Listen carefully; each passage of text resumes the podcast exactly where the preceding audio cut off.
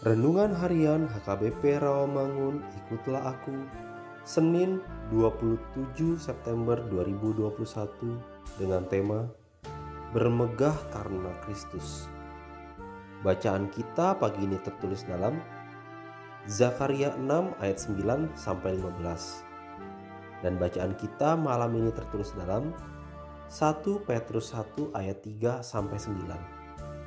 Dan ayat yang menjadi renungan kita hari ini tertulis dalam 2 Korintus 11 ayat 30 yang berbunyi Jika aku harus bermegah maka aku akan bermegah atas kelemahanku.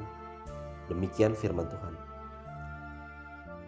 Apakah Anda pernah menilai kualitas hamba Tuhan dari kerapiannya dalam berpakaian banyaknya gelar yang ia sandang atau dari cara berbicara kita sebagai jemaat sering terjebak menilai seorang pengkhotbah dari penampilan luar, bukan dari kedalaman iman, keteladanan, atau kualitas khotbah yang dia sampaikan.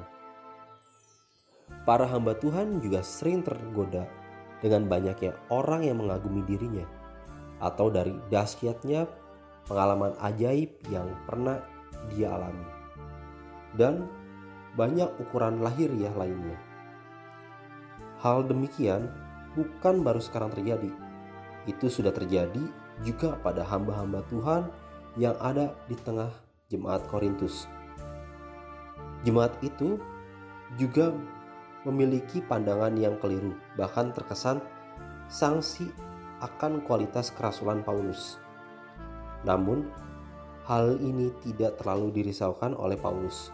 Bahkan, ia memberikan tanggapan yang bersifat paradoks dengan menyatakan, "Jika aku harus bermegah, maka aku akan bermegah atas kelemahanku." Sebetulnya, bisa saja Paulus membanggakan garis keturunannya, pengalaman pertobatan terdapat dalam kisah para rasul 22 ayat 6 sampai 15 atau latar belakang teologisnya ada enam kelemahan